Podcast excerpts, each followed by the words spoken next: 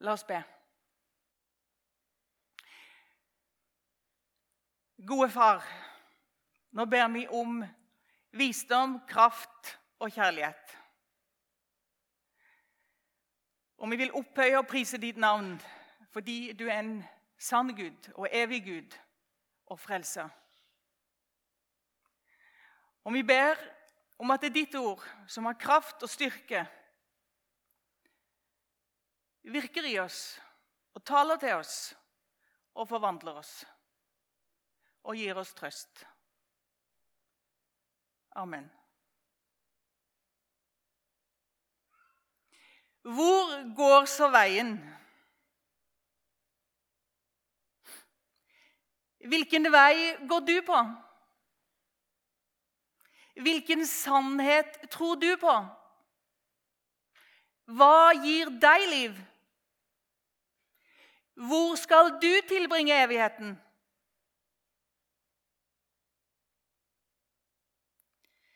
Disiplene må ha vært i et følelsesmessig kaos. Eh, de har opplevd mye med Jesus, og de har sett mye og de har hørt mye. Og Jesus han har nå snakka med dem om at en av dem skal forråde ham. Og han har sagt at han sjøl skal dø, og alle skal fornekte han. Og hva er det da Jesus fortsetter med?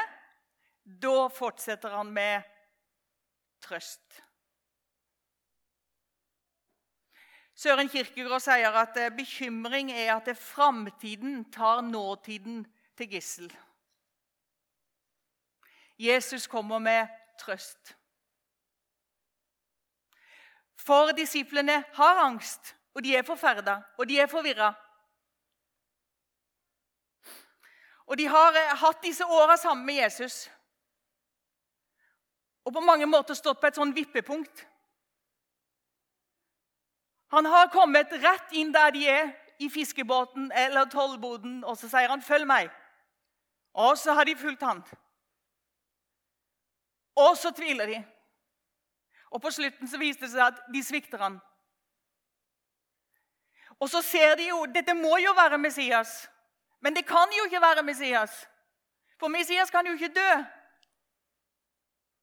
Er det sant, eller er det ikke sant? Og Peter sier, 'Jo, du er jo Messias.' Han bekjenner det. Er det mulig, dette her? Er det sant? Disiplene er under opplæring. De har, eh, det, lyser egentlig et sånt skilt der det står 'Ombygging pågår'. Og så kommer Jesus med sin opplæring, og det er trøst. At han forbereder et sted. At han kommer igjen. Tenk, Jesus begynner å snakke om himmelen som så mange ler av og forteller er så virkelighetsfjernt. Det er Jesu trøst til disiplene. Han forbereder dem et sted å komme hjem til. Tenk, Jesus skal jo komme igjen. Som så mange fornekter og ler av og fremstiller så skremmende. Det er Jesu trøst til disiplene. En kan si mange ting om bedehusene på Sørlandet. Men var det noe de sang, så var det sangen om himmelen. Jeg hadde ei bestemor som var fryktelig dårlig til å synge. Og det er jo helt utrolig å tenke på, men eh, en av fritidsaktivitetene våre var å sitte oppe hos henne og synge fra sangboka. Når jeg var i Bolivia Hvis jeg ville ha trøst, så sang jeg. Og det er jo så mange sanger om himmelen. Og du vet, Handla ikke helt sangen om himmelen, så slang de på siste verset om himmelen likevel. For det er en realitet. Og det er det Jesus trøster disiplene med, og det er det Jesus trøster oss med. Han har gått foran for å forberede et sted, og der er mange rom, og der er god plass. Og du er velkommen.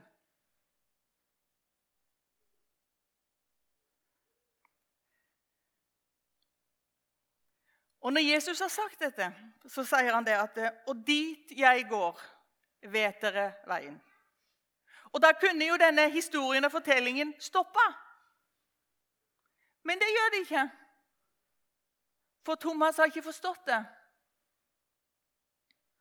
Så Thomas han sier, 'Herre, vi vet ikke hvor du går.' 'Hvordan kan vi da vite veien?' Og Der kommer da Jesu svar, som har gitt retning og tro og trøst og overbevisning til en elleveåring på leir som leser sitt favorittvers. Eller til professoren i atomfysikk som bøyer seg for Guds sønn. Og svaret er 'Jeg er veien, sannheten og livet'. Ingen kommer til Faderen uten ved meg. Det er ofte vanskelig å forklare en vei. Når folk skal et sted. For mange mange år siden var jeg i Rogaland og jeg skulle ut til Hundvåg. Det var før tunnelen kom. Jeg kjente ikke Nord-Jæren og Stavanger og området i det hele tatt. Og Så ringer jeg til den personen der ute og så sier jeg, ja, 'Åssen kommer jeg meg dit?' Og så sier jeg, 'Du kjører over tre bruer, og så er du der.' Så sier jeg, men åssen begynner jeg? Ja, bare kjør, bare kjør veien og kjør over tre bruer, så er du der. Det hjalp meg ingenting. Så jeg måtte bare si jeg, jeg skal finne det ut. Herre, vi vet ikke hvor du går. Hvordan kan vi da vite veien? Jeg er veien, sannheten og livet. Ingen kommer til far uten ved meg. Jesus han er både veien og kartet.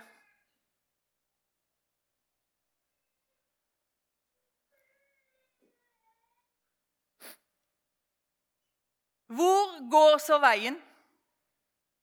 Jesus han sier at det er han sjøl som er veien.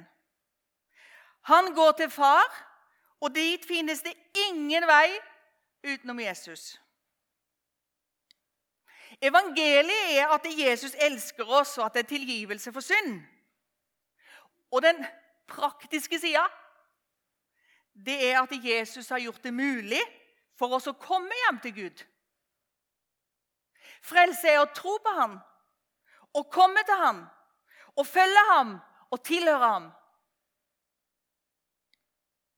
Og Når Jesus da har fått sagt dette, her, så prøver han seg på enda en konklusjon.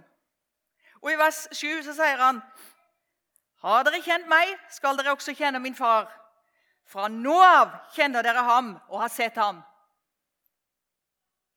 Og da kunne jeg jo kanskje satt strek. Men nå er det Philip som ikke forstår. Så nå kommer han med et spørsmål. Herre, vis oss far. Det er nok for oss.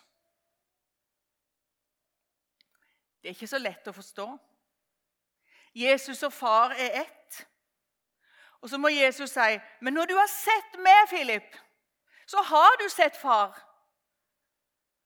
Det er jo far som har arbeida gjennom meg, som har gjort sine gjerninger gjennom meg.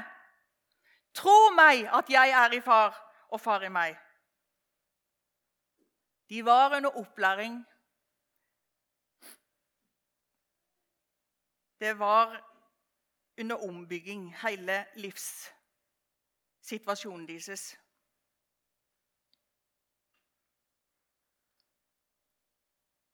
Så kom pinsedag.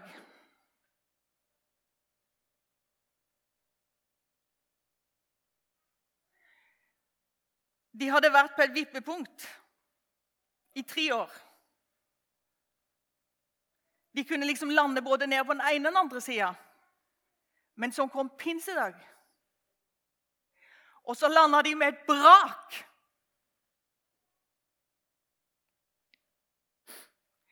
Peter, som hadde bekjent at han var Messias, men som hadde svikta han, og som ikke kunne tro at han kunne dø på et kors, da sier han, Gud har gjort han til herre. Døden kunne ikke holde han fast. Da var ikke Peter en sånn person som sneik seg rundt i mørket. Da talte han åpent ut. Så kom pinsedag for Thomas. Jeg tror Thomas ble en veldig god himmelforkynner. Når de kom til Thomas og sa 'Hvordan skal vi bli frelst?' så kunne han ta ordet rett ifra Jesus, og så kunne han si Jeg skal si deg en ting. At Jesus har sagt meg det, at han har forberedt et sted. Og det er god plass. Uansett hvordan du har det, uansett hvordan du føler det. Han har forberedt et sted. Tro på ham. Ikke vær redd. Syns du ikke se Thomas når han ble tilkalt på sykebesøk? Når noen var redde, når noen begynte å tenke på livet de hadde levd, når noen begynte å tenke på alle de hadde svikta, og at de hadde fornekta Gud og Jesus sjøl. Og så kunne Thomas si Jeg vet det ikke så lett å forstå. Jeg har ikke forstått det sjøl heller mange ganger. Men Jesus han har gått for å forberede et sted. Og du trenger ikke ha angst, og du trenger ikke være redd. For Jesus er veien, sannheten og livet. Tro på Jesus. Tro på Gud. Og kanskje han tok fra Jesaja 40 Løft blikket mot det høye og se. Hvem har skapt alt dette? Han som teller stjerners hær, fører dem ut og kaller dem alle ved navn. Hans kraft er så stor og hans styrke så veldig at ikke én skal mangle. Så kanskje han sier til den som ligger syk, og som har angst, og som er redd Hvorfor tenker du, Jakob? Hvorfor sier du, Israel? Min vei er skjult for Herren. Min Gud bryr seg ikke om min rett. Vet du ikke? Har du ikke hørt? Herren er den evige Gud som skapte jordens ender. Han blir ikke trett og ikke sliten. Ingen kan utforske hans forstand. Han gir den trette kraft, og den som ingen krefter har, gir han stor styrke.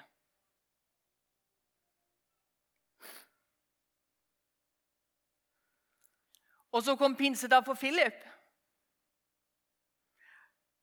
Kanskje han ble en sånn teolog som eh, kunne forklare for alle de andre treenigheten.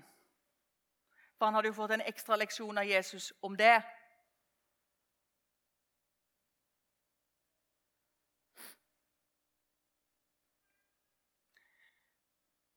Å bli en kristen, det er å komme hjem til din far.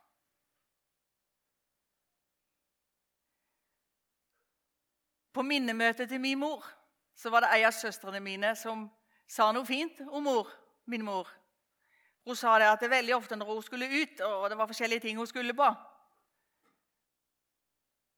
så sa mamma noe fint, og det var Husk det at uansett hva som skjer, så kan du bare komme hjem. Her er Jesus i dag. Guds sønn. Og så sier han til deg at uansett hvem du er, hva du bærer på, hva du er utsatt for, hva du har gjort og ikke gjort Kom hjem.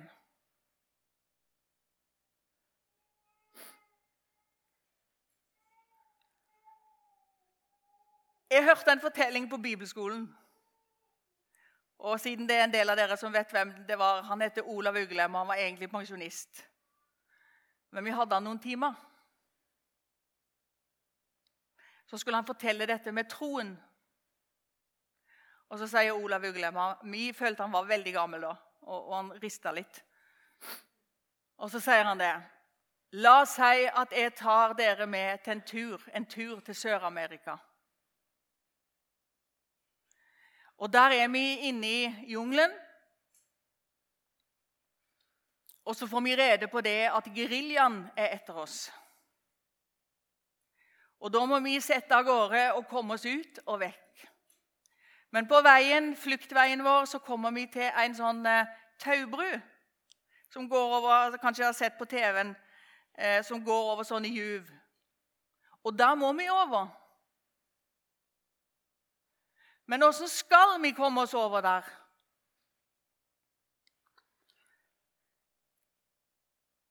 Og så sier Olav Uglem Kanskje noen av dere er litt overmodige og bare går over. Er litt tøffe. Kanskje noen av dere er redde.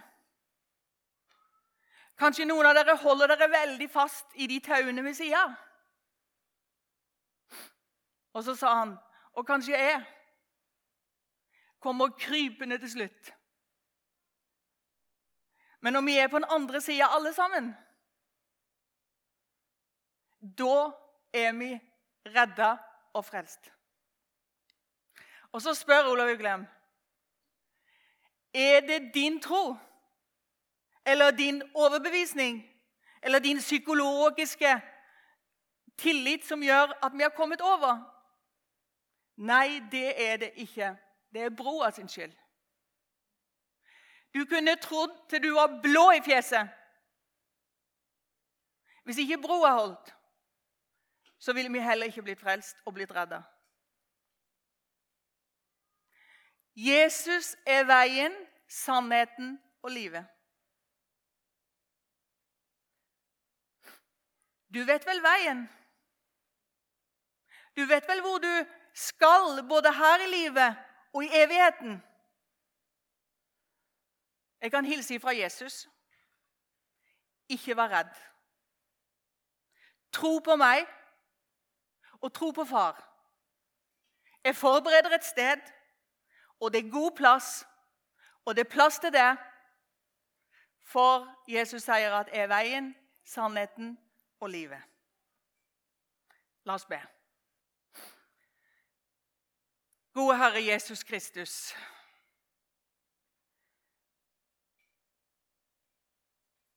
Vi er så takknemlige for at du kom og ble en soning for våre synder.